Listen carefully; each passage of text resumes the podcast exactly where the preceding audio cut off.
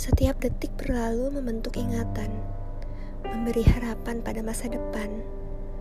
Semua hal dalam sekitar bergerak cepat, tapi hari ini perasaanku memilih untuk berjalan tertatih dan sangat melambat.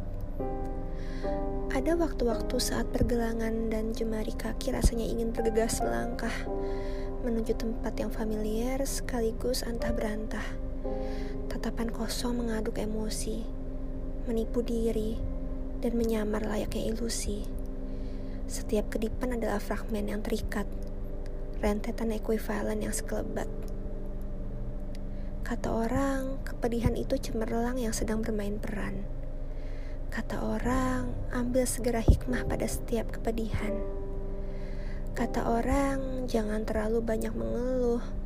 Toh, runtuh adalah nikmat yang aku sesap pada malam yang seringnya pekat. Kata orang, aku adalah ribuan doa-doa yang diberi sedikit harap. Enyahlah, cuma kata itu yang bisa aku ucapkan. Tapi agaknya terlalu pelan hingga orang-orang menolak untuk mendengar. Lucu, bahkan suaraku saja tidak seiring dengan inginku. Cerita samar pada awal Desember, berharap jadi realitas tidaknya pada akhir semester.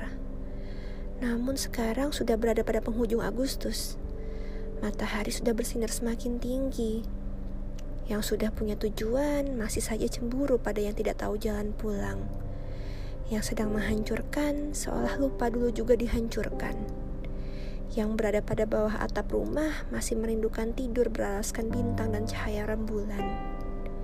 Yang suka menulis masih saja berusaha keras untuk menyenangkan hati banyak orang. Pada akhirnya, aku hanya tidak sabar menunggu akhir hari bersama mereka memulai kembali. Agustus sebentar lagi pergi, dan aku masih berlari-lari.